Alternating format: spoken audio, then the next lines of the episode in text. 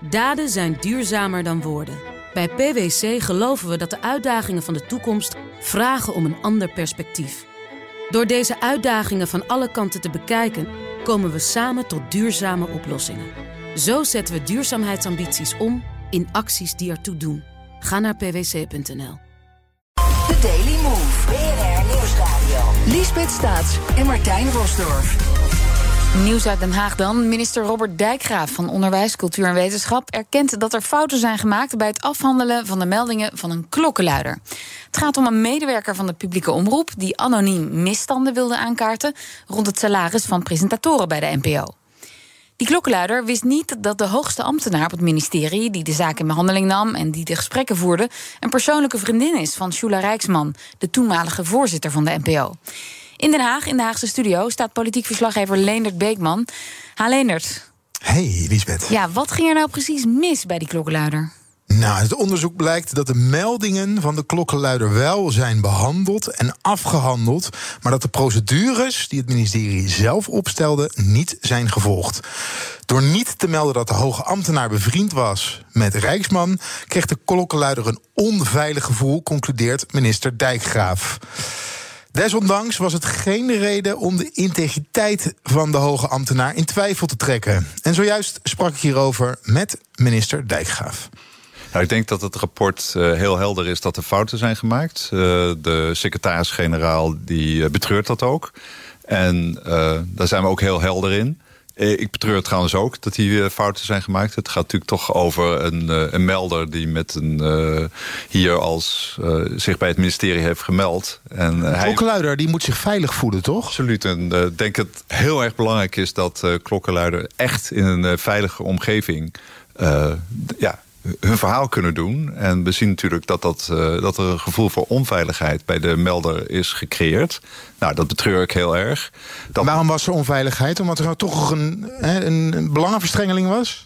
Nou, ik denk dat er dus er zijn eigenlijk twee dingen misgegaan. Uh, het eerste is dat in het proces de door ons uh, ook uh, intern gesuggereerde procesgang... dat daarvan afgeweken is. dus er is geen, bijvoorbeeld geen externe notulist geweest. Er is ook niet een goede afstemming plaatsgevonden van deze keuzes met betrokkenen. Dat is de eerste ja, wat misgelopen is. Het tweede is dat er inderdaad een, eh, een schijn van belangenverstrengeling is ontstaan. Omdat eh, de secretaris-generaal op dat moment niet volledig transparant is geweest. Uh, in haar vriendschappelijke relatie met de toenmalige voorzitter van de NPO. En dat, dat is, later is dat ja, in de publiciteit gekomen. En dat heeft een gevoel van onveiligheid bij de melder geleid. Nou, dat is natuurlijk iets wat uh, niet moet gebeuren. u zegt, er is wel integer gehandeld. Maar hoe kunt u dat weten? Nou, ik zie in het rapport op geen enkele manier dat er niet integer is gehandeld. En ik uh, denk dat uh, de secretaris-generaal echt uh, heeft geprobeerd... zeg maar echt met respect voor de melder deze zaak af te handelen. Maar er zijn dus een procedurele fout is, er, is er gemaakt. En ze heeft ook die ja, op dat moment uh, niet die transparantie gehad over die, uh, over die vriendschappelijke relatie. Nou, dat... Ja, maar dat betekent, ja, dat is achtergehouden, dat is niet verteld. Ja. Er zijn geen aantekeningen gemaakt. In ieder geval, er is geen notulist bij geweest. En de gemaakte aantekeningen wil ze niet vrijgeven. Ja, de secretaris-generaal heeft aangegeven dat ze de vertrouwelijkheid van het gesprek wat ze met de melder heeft gehad wil bewaken. En dus daarom ook die, ja, die vertrouwelijke aantekeningen niet heeft gedeeld met de ADR. En dat is haar keuze daar geweest. En een klokkenluider die naar de hoogste ambtenaar uh, gaat. Hè? dit, is, dit voorbeeld, dat wekt toch geen vertrouwen voor andere mensen... die ooit als klokkenluider zich willen melden?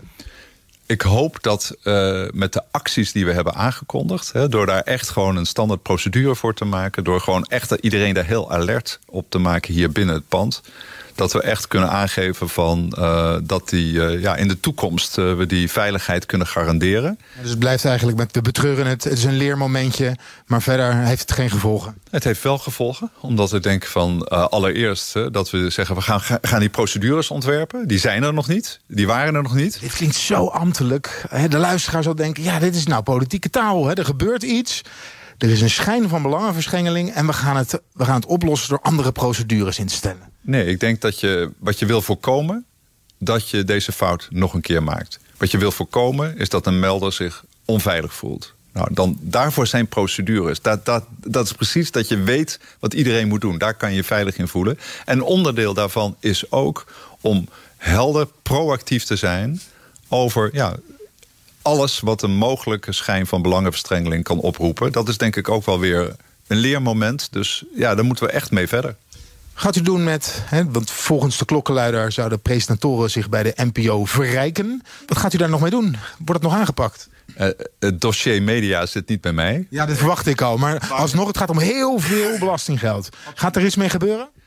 Wat ik wel heb geconstateerd uit lezing van het ADR-rapport... is dat uh, die, die melding uh, verwerkt is in de vragen... de Kamervragen die zijn beantwoord. Die Kamervragen zijn ook afgestemd met de melder. Heeft hij of zij ook eigenlijk akkoord op gevonden. Dus ik denk dat die melding wel is afgehandeld. Uh, de, de vele kwesties die rond de media spelen... daar moet hij echt met mijn collega, de staatssecretaris zijn. Ja, en hiermee is het dus afgehandeld, uh, Liesbeth. Ja, en dat onderzoek waar uh, de minister aan refereert...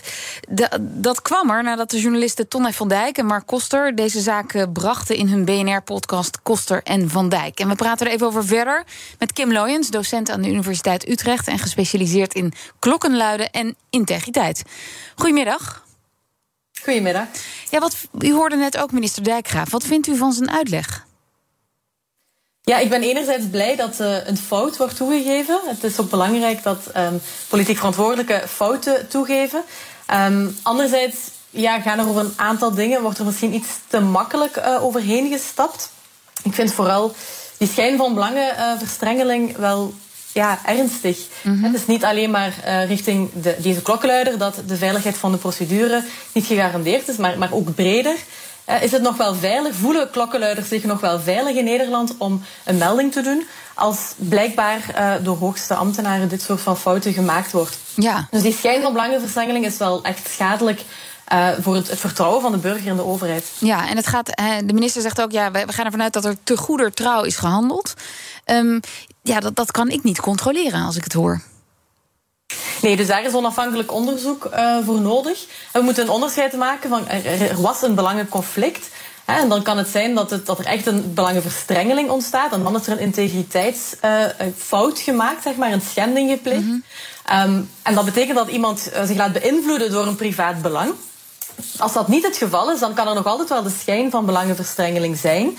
En dan is er geen integriteitsschending gepleegd. Maar ja, dan is het wel schadelijk voor uh, het vertrouwen van de burger in de overheid. Dus een, een onafhankelijk onderzoek zou moeten kunnen uitwijzen of er inderdaad echt belangenverstrengeling was. Ja. Um, en daar kan ik dus niet over oordelen. Nee. Ja, dat, maar het onderzoek ligt er dus nu, Lisbeth. Alleen de melder zelf heeft niet meegewerkt aan het onderzoek. We kunnen de aantekeningen kunnen we niet zien.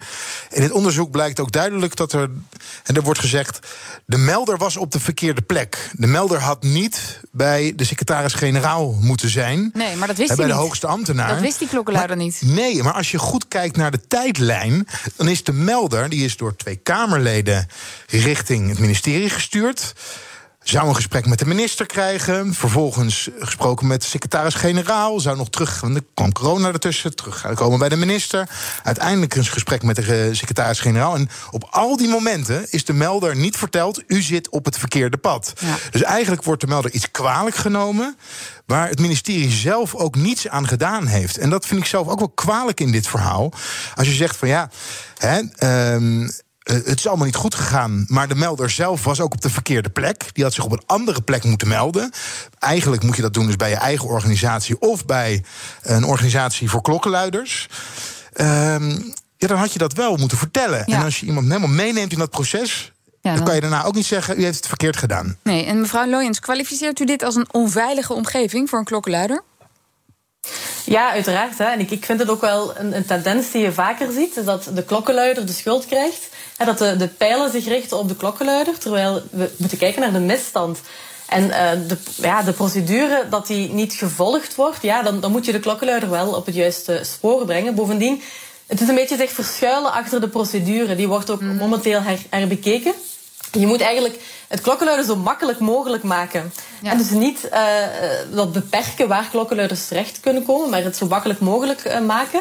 En als dan iemand inderdaad ergens meldt waar, waar, waar die niet zou moeten zijn, omwille van dit belangenconflict bijvoorbeeld, of omwille van het feit dat er een andere afdeling zich daarmee bezighoudt, ja, dan zou je daar toch wel de morele sensitiviteit moeten hebben om die persoon daar naartoe te leiden. Want ja, je moet het zo goed mogelijk faciliteren. Je moet het blij zijn met de klokkenluiders die, die hun nek willen uitsteken om, om misstanden te melden. Want die neemt die beslissing niet zomaar. Nee, niet licht. Dus dat is sowieso een kwetsbare ja, positie. Ja. En Leendert, wordt dit soort zaken in eh, Den Haag hoog op de agenda gezet?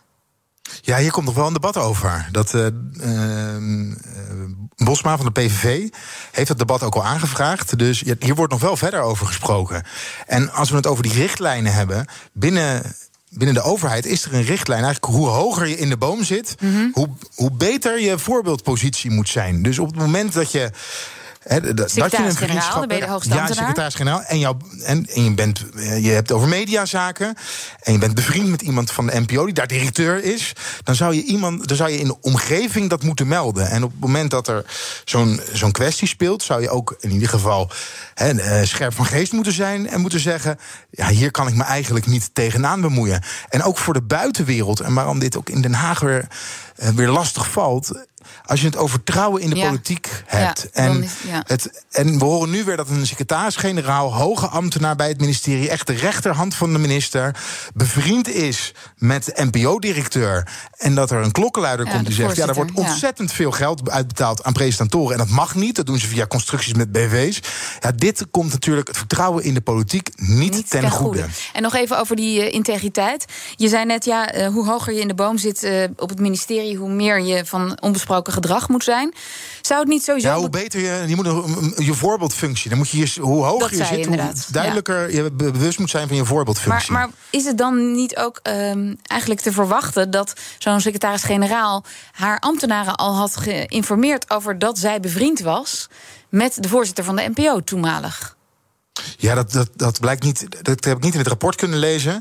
En, maar mag je dat ehm, verwachten eh, van iemand op die positie? Misschien moet ik daar aan Kim ja, Loyens vragen. Ja, dat zeggen, dat die regels zeggen, dat hadden ze, hadden ze moeten verwachten. Ja. ja. Klopt dat, mevrouw Loyens?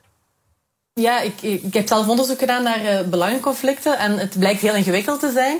Maar hoe hoger je in de organisatie bent, hoeveel meer je dat voorbeeldgedrag inderdaad moet laten zien. En dus die morele, dat moreel bewustzijn over het feit dat je belangenconflicten hebt, uh, ja, die, die, bespreekbaarheid is heel ingewikkeld. Maar je verwacht dat wel van iemand uh, aan de top van de organisatie als je, ja, als je integriteit hoog in het, in het vaandel wil dragen. Ja. Dan moet je dat zeggen. Dank u wel, universitair docent Kim Loyens en politiek verslaggever Leonard Beekman. Daden zijn duurzamer dan woorden. Bij PwC geloven we dat de uitdagingen van de toekomst vragen om een ander perspectief. Door deze uitdagingen van alle kanten te bekijken, komen we samen tot duurzame oplossingen. Zo zetten we duurzaamheidsambities om in acties die ertoe doen. Ga naar pwc.nl.